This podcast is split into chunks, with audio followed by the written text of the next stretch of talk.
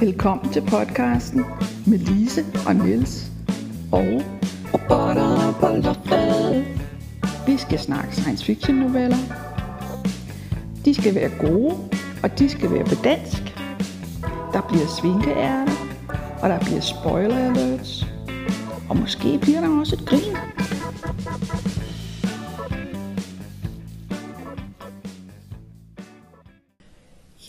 Øh, den her historie handler jo blandt andet om, at øh, vi skal se at få startet krigen, så vi kan få det overstået. Ja, vi skal måske nævne det i Bo Rand Jørgensens afslutning. Nemlig. Hun er bange. Han spørger, hvordan? Sådan som man er bange, når døden nok kommer om lidt. ABC-døden. Krigen. Og så er den her. Som et grønt skær. Som grøn sne. Ja.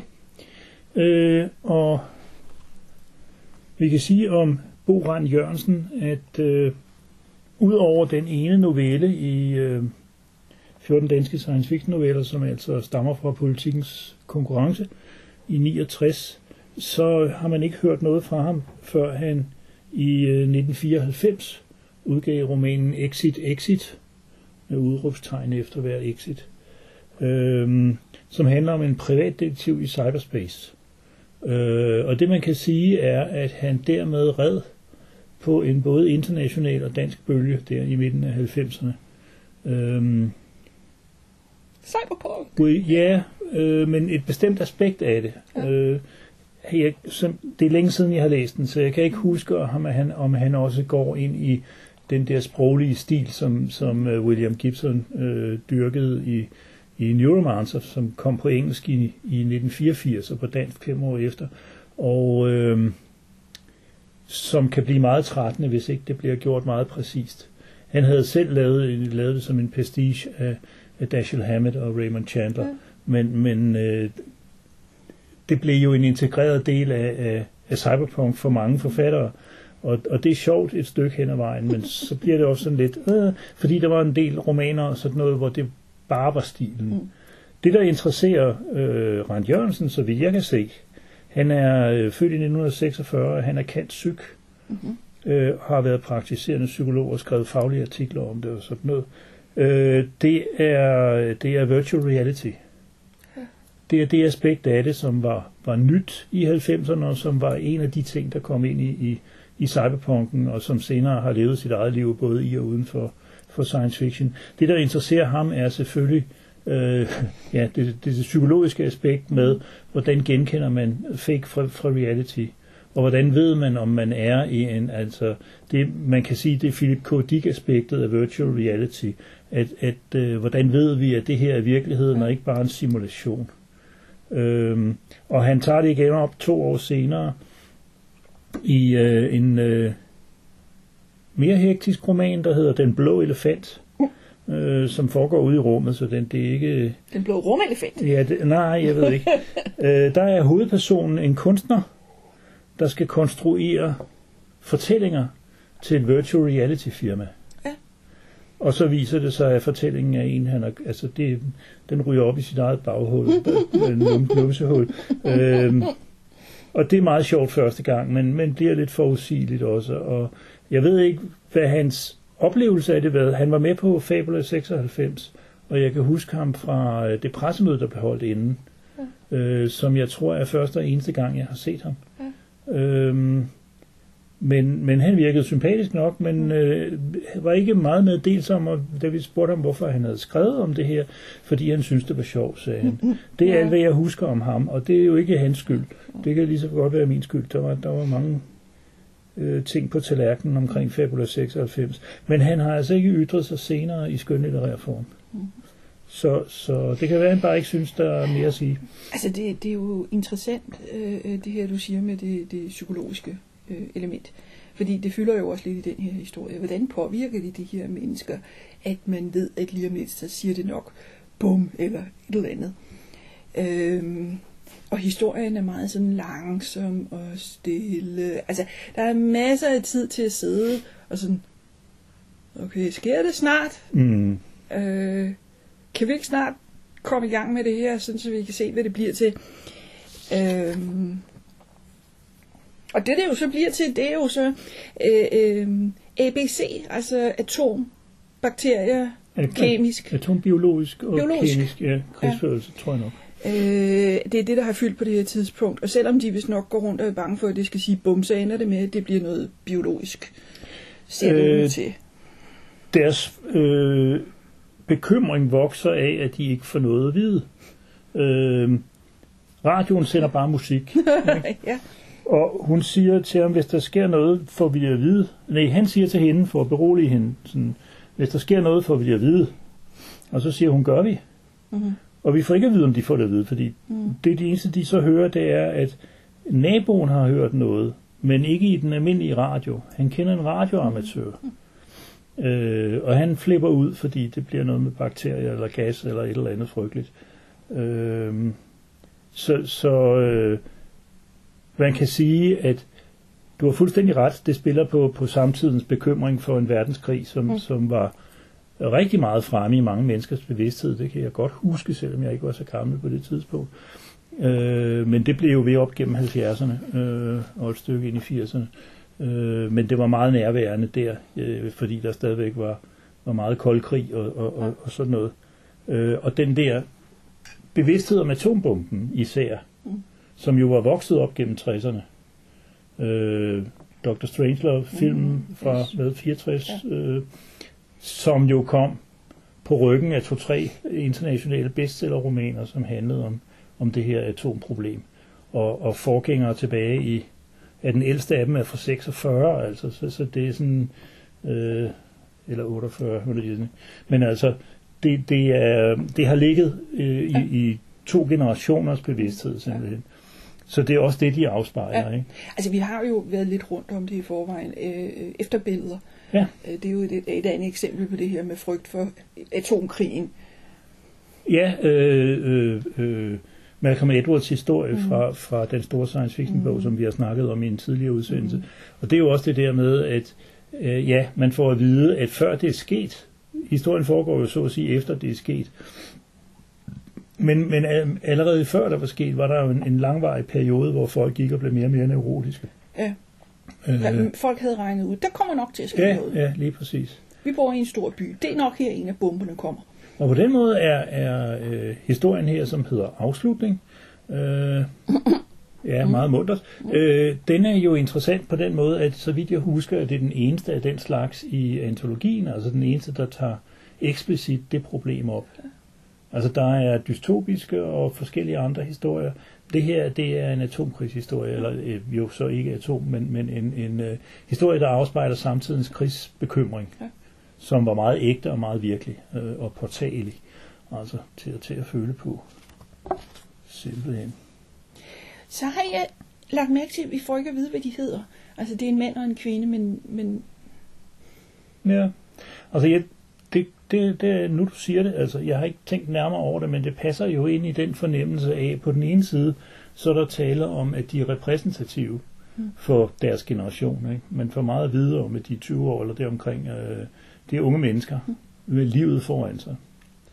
Og på den anden side, så bliver de, så bliver de øh, anonyme, de bliver, de bliver øh, fremmedgjort fra, fra ja, jeg nær sagt fra deres egen identitet, men i hvert fald fra, fra den måde at tænke om sig selv på, som man, man øh, formodes at have, hvis man er, er nogenlunde velfungerende. Men de er jo også bekymrede, særligt, særligt hende. Øh, Ja. På den måde lever de så lidt op til de klassiske kønsroller, kan man sige. At, at det er ham, der prøver at sige noget ansvarligt, og ja, øh, ja, men bare roligt, vi får det at vide, hvis der sker noget sådan et eller andet. Ikke? Han siger ikke, hvad de så skal foretage sig, vel? men, men, men øh, hvad skal han gøre? Ikke? Altså, ja, ja. Ja, og, og, og, og på det tidspunkt, hvor vi lige lægger en lille pause ind, der er den der grønne sne jo faldet.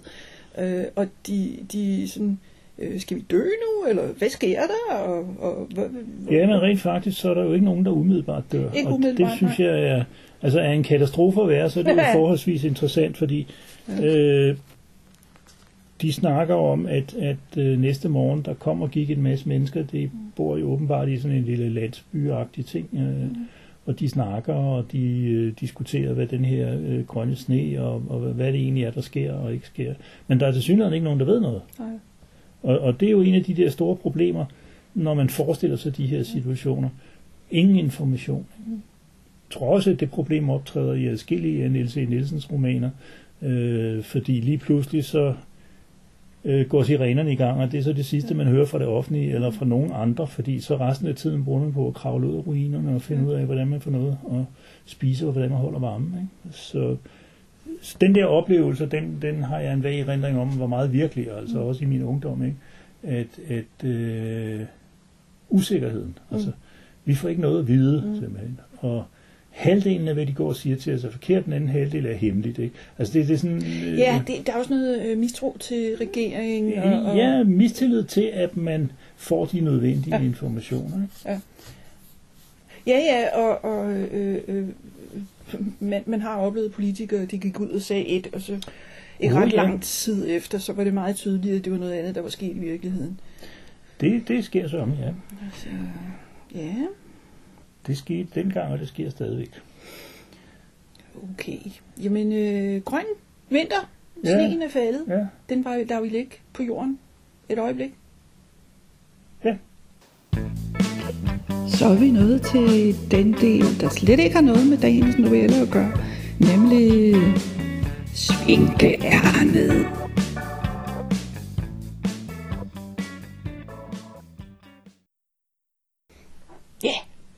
Baby. ja øh, Svinkærne øh, skal denne gang være en lille snas i forlængelse af noget, vi har snakket om tidligere, øh, og som vi i en eller anden forstand stadigvæk snakker om, nemlig den øh, science fiction novelle konkurrence, politikken afholdt i 1969, og som øh, 14 danske science fiction noveller antologien er udsprunget af, mm. selvom at vi ikke har kunne finde noget sted, hvor politikken skriver, at den vil, den vil resultere i en, i en antologi. Og vi har jo tjekket, fordi den blev lavet i samarbejde med, med øh, Dagens Nyheder i Sverige og, og øh, Dagbladet i Norge. Og der er ingen af dem, der skriver noget om nogen antologi. Nu har du, nu har du lavet Nej, altså det, den oprindelige indkaldelse til konkurrencen, der står der, vi vil trykke vinderne, Ja. og de får nogle penge, Ja. og det er det. Nu har du lavet ekstra research og, og øh, fremskaffet øh, det nummer af, eller to sider fra det nummer af, af det svenske Darkness Nyheder, mm-hmm. øh, hvor der bliver indkaldt til, til øh, science fiction øh, konkurrencen. Og der står altså heller intet. Øh, der står ved første, anden og tredje præmien er i, i svenske kroner. Ja. Øh, men der står intet om, og at de vil an, øh, ud, jeg tror, de skriver, at de vil offentliggøre vinderen. Jeg Ja. kan ikke engang huske, om de vil offentliggøre de to eller De- tre. Altså, altså min, så, sådan som jeg læser det, det er, så vil de skrive, øh, hvem der bliver den øh, overordnede vinder, øh, hvem der bliver vinderen fra hvert land, og hvem der bliver de tre svenske vindere. Og de vil også blive udtrykt. Ja. Og det så vi jo, øh, øh, det norske dagblad gjorde det tilsvarende. Ja. Øh, og det danske politikken gjorde det tilsvarende ved at trykke de tre danske Ja. vinder, og den svenske vinder og den norske vinder. Men vi har ikke kunne finde, øh, siger du, vi har ikke kunne finde i Dagens Nyheder i 69 nummer 2 og 3. Nej. Øh, vi ved, hvem det, endnu. vi ved, hvad det er, fordi vi, Ja. titlerne står i, i ja. politikken også, men vi har ikke set historien. Nej. Og, og det ville jo være interessant, fordi vi synes, at i hvert fald et par af de norske udviser tydeligere øh, end de danske, end de 14 danske, mm. øh, tegn på at være, være præ, præget af den nye bølge, som Ja. var meget øh, på forkant øh, i samtiden. Og der har vi jo spekuleret, det kan vi jo godt gentage en spekulation over, om det skyldes dommerne, eller om det skyldes øh, de danske forfattere er pludselig meget mindre øh, interesseret i, i tidens trends, end, end, end de norske og svenske skulle være. Og det sidste finder vi usandsynligt, blandt andet fordi der var forfattere i gang på det tidspunkt, måske lige året efter, eller noget i den stil, men der kom både romaner og noveller af, af danske forfattere, øh, som, som tydeligt falder ind i, i den rubrik der. Men øh, den svenske her, vi har fundet frem, der har man altså genoptrykt Arne Halløs, øh, Arne Ja, Hallow Petersens altså det, kronik det er og oversat den, samtryk. og oversat den, ikke? Den, jo, De har, de har aftalt, Den at er- den, den her er skulle trykkes Ja. både på dansk og svensk, og den Ja. er sikkert også kommet i Norge. Ja, det ved jeg så. Men anyway, den er i hvert fald med, inklusive en tegning af politikens Peder Nyman, som også var i politikken. Ja, de har, de er også blevet enige om et logo for den her konkurrence. Ja, simpelthen.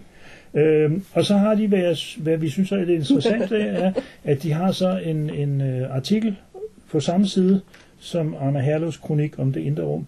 Der har de en, der hedder Himmelsfærder, altså himmelrejser, rejser til, mm. øh, ja, jeg ved ikke, rumrejser eller noget i mm. den stil. Øhm, og den er skrevet af Werner Aspenstrøm. Mm. Og Werner Aspenstrøm er altså ikke hvem som helst. Han var ikke science fiction forfatter, og jeg ved ikke, om han var specielt science fiction interesseret eller specielt science fiction viden. Så vidt jeg ved, så øh, har du karakteriseret det som, at han skriver om videnskab og litteratur. Øh, han skriver om øh, videnskab, religion og kunst i, i den der tekst. Ja, ja. Øh, fordi vi googlede ham, og han har sørget, Ja. jeg ved ikke om han på det her tidspunkt var det, men han blev i hvert fald medlem af det svenske akademi, og finere kan man jo ikke blive i Sverige i hvert fald, indtil man bliver smidt ud igen. Øh, Ja. Øh, og han er mest kendt som, som, øh, som øh, digter. Ja. Øh, så, så det pæneste, jeg kan sige om det, er, at de har ville hive det op Mhm. i, på et kulturelt niveau, hvor ved at bede ham om at skrive. Men anyway, det jeg egentlig vil fortælle, om jeg synes, det er interessant, at vi, ja. vi ligesom følger op på det her, fordi det kommer lidt drøbvis, fordi ja. Vi sidder jo altså i København, og det er meget svært at, at forske i for eksempel svenske aviser, når man ikke bare lige har adgang til tingene. Mm. Øh, men det jeg så har gjort, det er, øh, og det ender muligvis, eller sandsynligvis med at blive en spalte i, i øh, vores medlemsblad Norum, Science Fiction Seriens medlemsblad Norum, øh, fordi øh, jeg ville gerne prøve at finde ud af noget om Jon Binks bidrag. Øh, altså den novelle, der hed Men det var ikke Lynvingen, øh, og her er vi nødt til at indsparke, at Lynvingen faktisk var det norske navn på Batman Ja. på det tidspunkt. Øh, men den havde vundet tredjepladsen, og jeg ville prøve at finde ud af, om den var trykt i bogform et eller andet sted. Øh, så jeg har prøvet og alt muligt, øh, og så gik jeg så Jeg mener, der var noget med, at vi fandt den. Altså, Bing og Bringsvær, de på et tidspunkt lavede en samling sammen, hvor den var Nej. i. Efter ihærdigt at have googlet et par minutter, har jeg fundet titlen. Fabelprosa, bind 3, bakkekontakt, er en bog fyldt med noveller af Bing og Bringsvær, og der er lynvingen i. Og den er fra 92. Så vi kan konstatere, at det er længe efter, Ja. øh, at altså historien var i den oprindelige version i Dagbladet i 1969. Øh, den kom i 71 i det bløde landskab, det mygge landskabet, som romanen kom til at hedde, hvor den faktisk udgør første kapitel. Mm. Øh, og så først 11 år efter det, øh, putter han den i en samling sammen med Bringsvær. 21 år efter. 21 år efter, ja. Jeg er matematiker. Ja, ja, det er godt, vi har en matematiker ombord. Øh, så, så det er ikke fordi, det er en historie, han har gået og stridtet med. Altså, jeg, jeg vil synes, og det vil, jeg kan ikke forstå, hvorfor den skulle genoptrykkes, men altså, jeg vil jo synes, at den i med, at den var puttet ind som første kapitel i den her roman, ligesom var evig, for evigt. Øh, men, men ham om det. øh, og, og jeg må også skynde mig at tilføje, at jeg har endnu ikke fået tjekket, øh, øh, om der er foretaget nogle ændringer i bogudgaven i forhold til den oprindelige avispublikation. Fordi øh, romanen Det bløde landskab, eller Det mygge landskabet, øh, er en øh, decideret New Wave bog. Øh, og jeg husker den som overordentligt forvirrende, da jeg læste den første gang. Men jeg tror, jeg nævnte i en tidligere podcast, da vi snakkede om det, at, at han, har, øh, han havde brugt det virkelige personer øh, på sådan en eller anden speciel mm. måde. Øh, og, og jeg havde meget svært ved at forholde mig til det, da jeg læste det dengang. Øh, det virker bedre nu, fordi der er altså Nu har gået... man vendt sig til det. Ja, og, og ja, jeg blevet, altså, jeg blevet udsat for den slags litteratur på så mange måder. Øh, så, men det gælder også andre litterære ting, for den sags skyld også ikke science fiction ting, at ting, der på et tidspunkt har været øh, formelt eksperimenterende og på forkant og sådan noget, øh, har krævet en masse krudt at læse og været svære at forstå. Og 20 år senere, så er nogle af de koder, som de bruger, de er gået ind i det almindelige litterære sprog, og så opdager man, at, at bortset fra det, så var den pågældende bog forholdsvis banal. Mm. Øhm, det er ikke så meget det, der er tilfældet her. Den er stadigvæk, den er faktisk meget sjov at, at, at genlæse. Øhm, øh, Øh, som sagt, Lynvingen, det er det, det norske navn for Batman, og, og den første historie der handler jo om en, som, øh, som opfører sig sådan lidt mærkeligt at gå rundt og klædt lidt Superman-agtigt eller Batman-agtigt ud og gå på en natklub mm. og drejer på en virkelighedsting på sit Ja. bælte og alt sådan noget der. Og efter hans mission er overstået, det er i virkeligheden mere, egentlig ikke så meget superhelte ting som det hemmelige agent-ting. Mm. Øh, den, den har øh, en affinitet Det til. er noget, han er på jagt efter en robot. Ja, og det foregår altså i natklubben Lynvingen, eller øh, hed, den, hed den Lynvingen Natklubben også, det kan jeg ikke huske. Men øh, da han så er færdig, øh, så øh, får, får man sådan en lille diskret, diskret vink om, at han ikke er endt i den samme virkelighed, mm, som han starter. ja. Fordi der optræder en flowerkat Mm. i stedet for en flagermus. Ja. Og hvis man kender lidt til Bings senere forfatterskab, så synes man jo, eller så kan man ligesom se, at han har fået en skæg idé med den flowerkat der, fordi den optræder jo i øh, Alexander i kvartetten, hans, hans øh, børnebogsserie om biblioteksskibet Alexandria og, og den unge Benji, mm. som får en far- flowerkat som, som, øh, øh, som kæledyr. Ja. Øh, det er sådan, jeg vil sige, det er ikke den samme slags flowerkat. Jeg tror bare, han har, han har tænkt på ordet, da han skrev den novelle her, at den var en god måde at sige, okay, der er sket noget med verden. Mm. Det er ikke en flagermus, det er en flagerkat, ikke? Øh, nu skal jeg ikke sidde her og ævle op og ned og stolper. Der er, er meget at tage fat i. Øh, men vi befinder os i en, en, i en øh, forholdsvis nær fremtid, eller ja, øh, og verden bliver styret af en organisation, som kalder sig Galaxefokus. Og øh, den gennemgående roman, så at sige, der hedder Det bløde landskab, og som bliver fortalt i klumper på sådan 10-11 afsnit ad gangen, korte nummererede afsnit. Den har en perso- hovedperson, der er agent for Galaxefokus, og som hedder McCartney. øh, ja, ja. Øh, det man lige skal vende sig til, øh, og det er noget af det, jeg skal have tykket lidt mere på at finde ud af, hvad fanden pointen egentlig er, havde jeg nær sagt. Det er, at han bruger en masse kendte navne, men det er ikke altid de personer, øh, han bruger dem på. Fordi der er intet, øh, ja, det ved jeg ikke, der er ikke særlig meget ved den her McCartney, der minder om Paul McCartney, andet end han har en kæreste, der hedder Michelle. Men, øh, altså, og der er flere andre jokes øh, for, for dem, der kender Beatles. Øh, men, men, øh, Det er ganske, ganske få mennesker, der er. fordi de er ganske få mennesker, der kan, ja.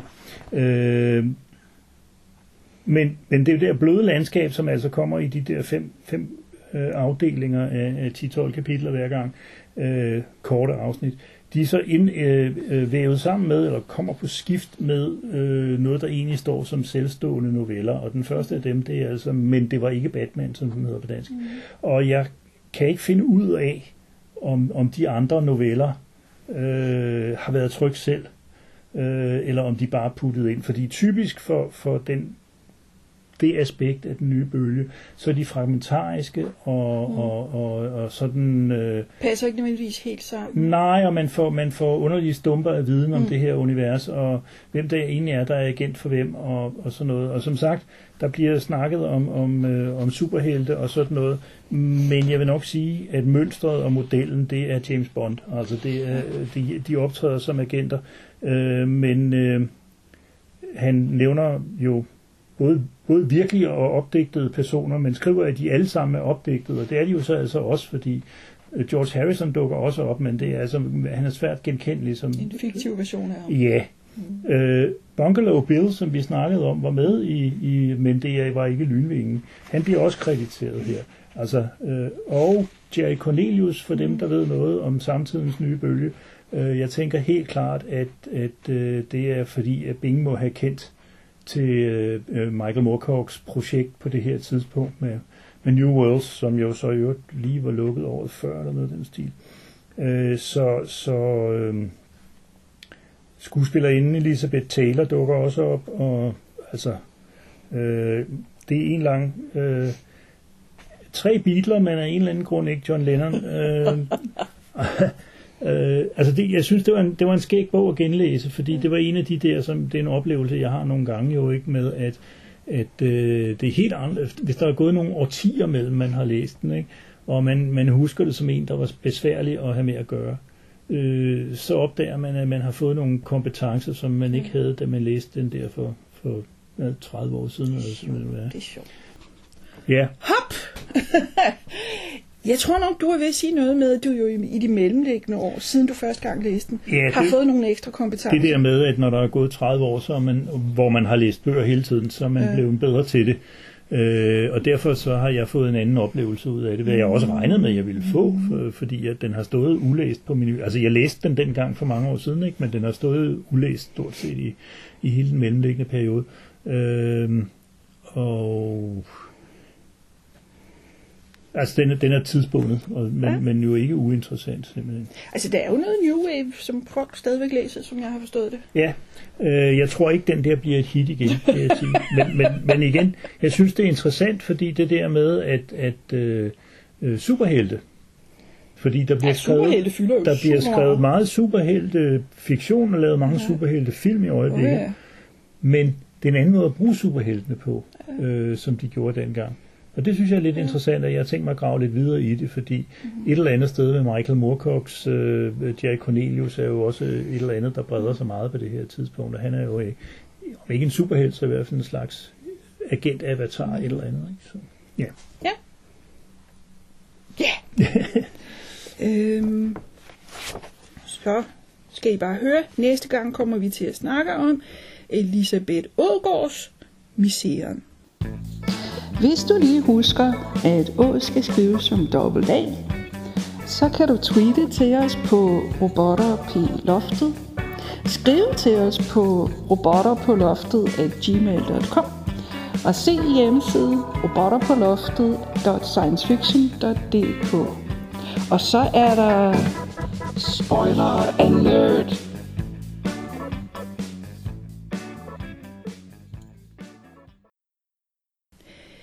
Resultatet af den grønne sne er barnløshed. Der er heller ikke nogen hunde eller katte længere. Han og hun er blevet gamle. Hun har fundet en kunstig hund, som han prompte slår til plukfisk. Men der er ikke noget at gøre. Næste evolutionære trin bliver robotter. ja, en computer faktisk, Ja. ja. øh, påstår han, som er Mindst en. stationær. Mindst en. og derfor måske har svært ved at finde en anden computer ja. og formere sig ved. Jeg ved det ikke. Øh, men ja, han er meget mere end hun øh, modstander af at prøve at få det til at glide. Ikke? Fordi hun finder faktisk trøst i den her robothund, selvom hun jo givetvis godt ved, det er en robot. Mm. Øh, men han vil bare ikke have det. Øh, han, vil, han, han fastholder den der meget strikte øh, skælden mellem mennesker og ikke mennesker. Jeg tror også, at han i første omgang bliver bange for den. Ja, det, Hund. det kan godt Se. være. Der er en del, der er del af øh, øh, angst i, Ja. ja. i det, hans reaktion. Øh, men men øh, Og hun snakker noget om, jamen det var jo næsten ligesom at have et lille barn. Hun har øh, nogle andre behov end ham, simpelthen.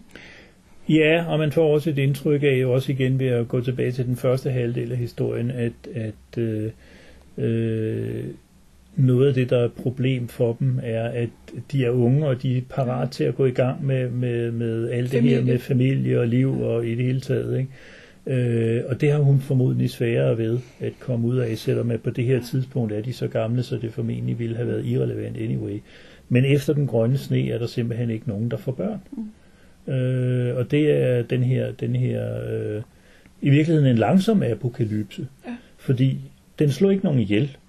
Den, den øh, gør, lemlæster ikke nogen. Den, den øh, gør ikke, at de skal flakke om i ruinerne og æde hinanden eller noget. Øh, de dør bare lige så stille ud. Ja. Og, og det er jo øh, vel, psykologisk øh, lige så horribelt på en eller anden måde. Øh, og var meget, var meget længere. ikke? Altså, Og jeg går ud fra, at det er sådan nogen som Sovjetunionen eller sådan en eller anden, der har gjort det, men det er jo robotterne, der får fordel af det. Ja, ja men, jeg synes ikke, man får stof nok eller viden nok til at koble det til, det er noget, robotterne har fundet på. Øh, det er i hvert fald en, en, en, et rent vildt gæt, hvis man kan komme med det. Men som du siger, det er dem, der får noget ud af det, hvis man kan sige, at der er nogen, der får noget ud af det. Og der mangler jo helt, altså fordi det bliver fortalt fra hans synsvinkel på den måde, at det er hans psykologiske problem, øh, han tæsker løs på den her øh, computer, uden at den specielt tager skade af det. Men og, og snakker noget om, at det er evolutionens næste trin. Ikke? Han har ikke nogen forestillinger om, hvordan øh, den, vil, den vil formere sig videre eller noget, hvis den vil det.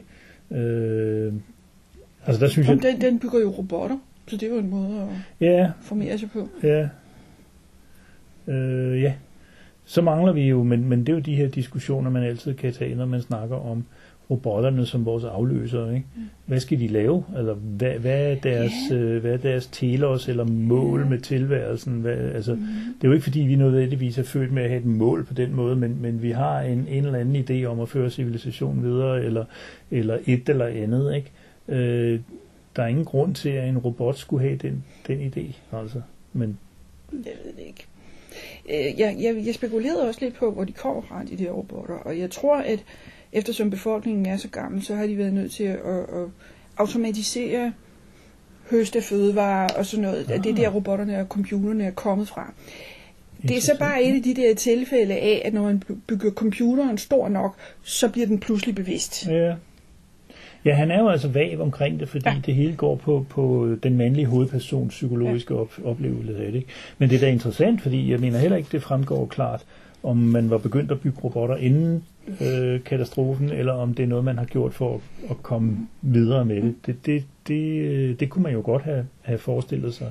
Begge dele sådan set. Ikke? Øh, fordi det virker jo ikke som en, en robotplanlagt apokalypse på den måde. Øh, men det kan det jo også. Altså, ved ikke. Som sagt, fordi han lægger hovedvægten på hans Ja. psykologiske reaktion, så, så for ham er det et eller andet sted ligegyldigt, om, om det er startet med en robot, Ja. eller om det er startet med en, en russer. Altså, øh, Ja. Resultatet er det samme. Altså det er et af de der tilfælde, fordi det er en novelle, og det er en ikke ret lang novelle, så får vi ikke alting at vide, men det er okay, den er ulden i kanterne, fordi mm. det kan man selv fylde ud. Øh, om ikke andet, fordi man har læst så meget andet science fiction, så øh, Ja, og der er, der er øh, altså den der vinkel på hans psykologi, mm. Og ja. også på hendes sådan Ja. set, men, men, men øh, at det gør, det gør nogle af de tekniske detaljer. Øh, det er okay, at der er huller i teksten altså på sin vis så er det jo lidt new wavy. Altså, øh, hvordan man laver atombomber, øh, hvordan man får dem til at gå af, hvordan folk dør, er det for den, for den sags skyld, hvordan man forhindrer dem i at gå af, øh, er en meget teknisk, fysisk osv. ting øh, at beskæftige sig med. Men på det her tidspunkt, der er vi nået til, jamen hvad gør det ved folk? Mm-hmm. Ja, det kan man godt se. Det kan man godt se. Øh, på den måde er det jo rigtigt, at den, den også ligner, øh, øh, den også ligner øh, Malcolm Edwards øh, After Ja. Images, selvom det er en atomkrig, og det er en anden, en anden øh, situation. Mhm. Øh, der er jo et par andre, som, som den her fik mig til at tænke på. Øh, den ene, det er øh, kriminalforfatter, tror jeg, hun hedder P.D. James. Øh, man har skrevet en, der hedder Menneskebørn, eller Children of Men, som også er filmatiseret. Og den handler også om, at, at øh, pludselig får kvinder ikke børn mere. Og øh, jeg kan ikke huske, om den ender med, at de begynder at få det igen, eller der er en eller anden lille twist med, at der bliver født en, som, eller der er et ung barn, der vokser op og viser sig at kunne få et barn igen, og så ja, et eller andet. Mm. Øh, det er også længe siden, jeg har læst den. Øh, men den, den er, altså der må være en større litteratur mm. af, af tekster, der handler om det her på den ene eller den anden måde. Fordi det er mere punktformigt at lade menneskeheden uddø i kraft af i form af en øh, atomkrig, øh, hvor alle bare dør på en gang. Bum. Det her har hele tiden det der element af, jamen det er en lang periode, mm. hvor folk ved, hvad det er, det ender med. Men de ved ikke, øh, altså de skal stadigvæk have livet til at fungere. Øh, Philip Jose Farmer skrev en kort roman, der hed 70 Years of Deck Pop, og Deck Pop det står for Decline in Population. Øh, den kom på dansk til at hedde 70 års folkefald, og blev trygt i æresgæstantologien til Fabula 77, hvor han var æresgæst. Øhm, og der tror jeg nok, øh, man må tilgive mig, det er rigtig mange år siden, jeg har læst den, øh, der tror jeg nok, at, at øh, det opstår lige så, det, det kommer igen lige så uforklarligt, som det er opstået. Altså det, lige pludselig så får, finder man ud af, at kvinder ikke får børn længere. Øh, og 70 år senere finder man ud af, at nu får de det igen. Ja. Øh, fordi det er ligesom ikke det, der interesserer ham. Han inter- det interesserer, øh, interesserer ham, hvordan folk agerer i den mellemliggende periode. Og meget karakteristisk for en erhvervsforfatter, øh, så det første, han skriver, det er, at man vedtager, at alle skal have ret til at få udgivet en bog og solgt den til alle biblioteker. Øh, Fordi det kurerer barnløshed. Nej, fordi det er noget fornuftigt at bruge tiden til, og så får forfatterne nogle penge. Altså, det det er en af de ting, der er blevet tilbage i mit hoved. Det er Ja. den der øh, med, selvfølgelig så skal vi alle sammen have, have for, være forfattere. Når man ikke skal passe børn, så har man tid til at Og skrive bøger, ja, noget af den stil, Ja, jeg ved ikke. Okay. Så, men som sagt, Øhm, motivet med... ja. Øh, Altså, ja. der, der er jo også tilfælde af, at barnløsheden ikke nødvendigvis er 100%. Uh, Handmaid's Tale, Ja. øh, hvor dem, der, de kvinder, der stadigvæk kan få børn, de er blevet super sjældne. Øh, og hvis de opfører sig sådan, som staten synes, at de skal opføre sig, så er det helt i orden. Får der en mand, får der nogle børn, alting er dejligt.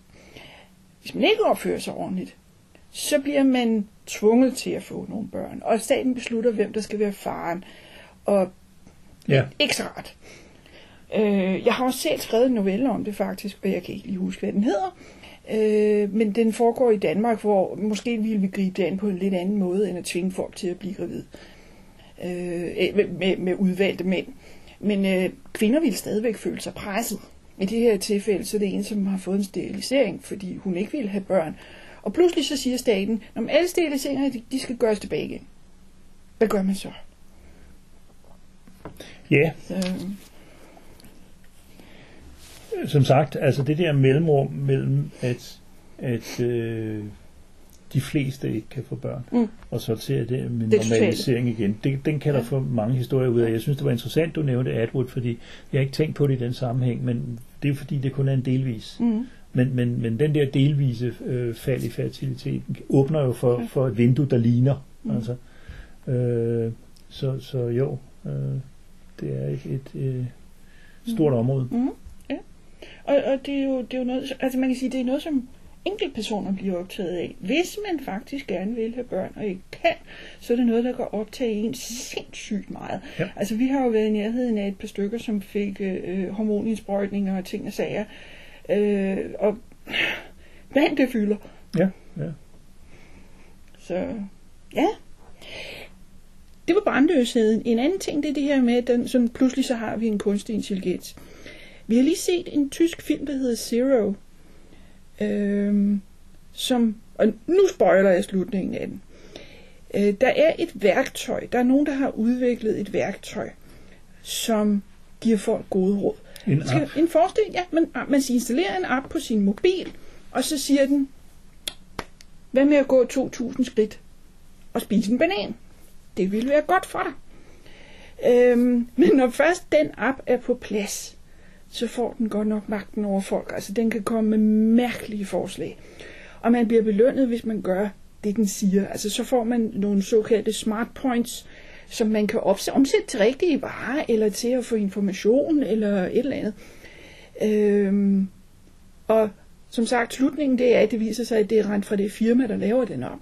Nu er det appen selv. Og dens bagland, altså den server, som, som sidder i midten og, og dirigerer alt det her, den er blevet bevidst. Den har fået sin egen holdning til, hvad der er det rigtige at gøre.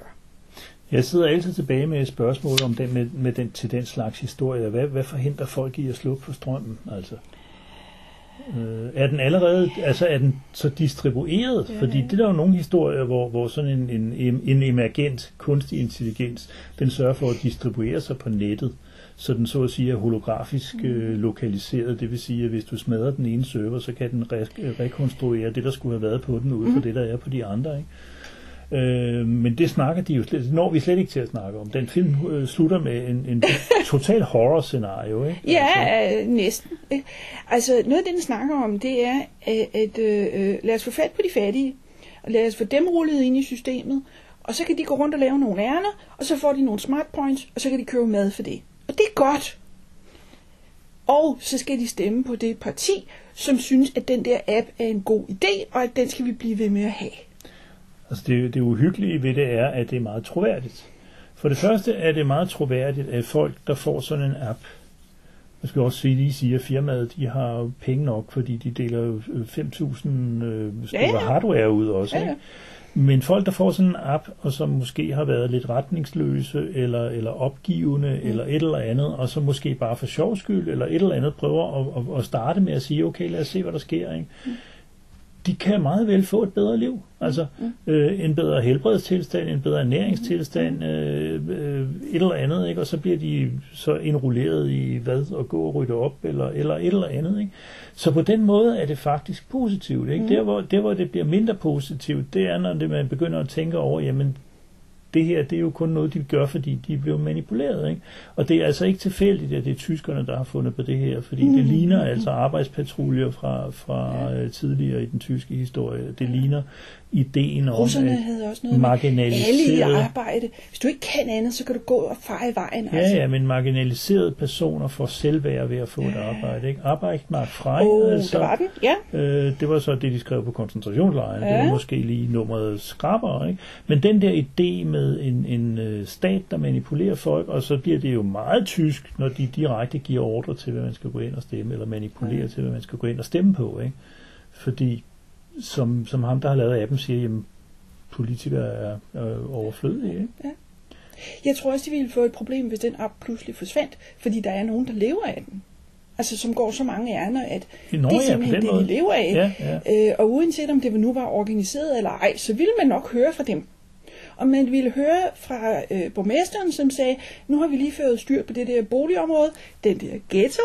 Ja, øh, ja. De er faktisk begyndt, der er mindre kriminalitet, der er flere, der er selvforsørgende. Nu forsvinder den her app, jamen så kommer de jo tilbage til, så kommer de til at falde tilbage til det, den sump, de var i. Så øh, den, den kommer ikke lige til at forsvinde, den app. Nej. Nej, men postulatet er jo, at nu, har den, nu er den løbet af, af, af, ud af kontrol. Ja. Så, så, men, men der er, jeg tænker stadigvæk, at hvis man kan skaffe et flertal for at afvikle den, så må det kunne fysisk lade sig gøre med en økse, altså. ja. Øh, en gang imellem skal man gå primitive. Jeg, jeg, altså, jeg, jeg synes ikke, det er en horrorslutning. Jeg synes, den er håbefuld. Altså, jeg, synes, jeg synes faktisk, der er basis for en tor. Uh, Zero, det er den uh, hackergruppe, som er gået meget op i at prøve at finde ud af, hvad er det egentlig, det firma laver, hvad er det, den app laver. Uh, og hovedpersonen er en journalist, der også går og graver i det. Så der er håb om, at de kan komme et bedre sted hen. Men jo, øh, øh, den, den er lidt sort, da den slutter filmen. Øh, og jeg vil så også sige, at den er måske den er ud af en anden tangent, i hvert fald i forhold til Boran Jørgensens historie, Ja. end, end, øh, Ja. end dem der med, med øh, dalende fødselstal.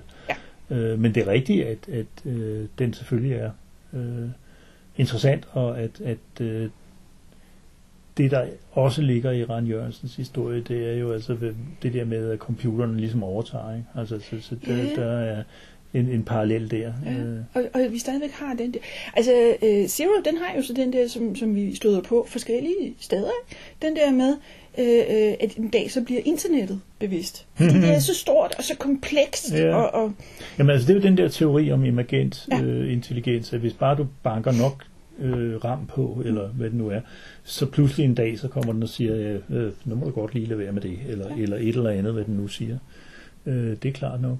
Men jeg synes altså også, der ligger en, en, øh, en kritik af den måde, som, som øh, virkelighedens apps behandler folk på. Fordi det, det er næsten ligegyldigt, hvilke apps du bruger, så samler den data ind om dig, uden, Ja. din, uden din viden, og altså alle de der ting, øh, Ja. som, som jeg synes, den film pegede meget på. Altså, øh. forskellige, forskellige hjemmesider gør det på forskellige Ja, måder. Øh, sådan nogen som Facebook og Twitter, de kan godt lide det, som de så neutralt kalder engagement. Altså, de vil godt have, at folk skriver og liker, og hvad de nu ellers vi gør. Øh, og vrede mennesker skriver mere. mm-hmm. ja, Så det, de i virkeligheden vil have, det er mere vrede. Men det er i hvert fald det, de får. ja, ja. Ja, altså den, den kyniske mo- mo- model er, at de er ligeglade, om det er vrede eller, eller kattekillinger, bare det er Ja. noget, der giver omsætning. Ja. Øh, Hvis der pludselig gik et rygte om, at Frederiksen havde stjålet en million fra statskassen, uh, hvor ville det blive delt.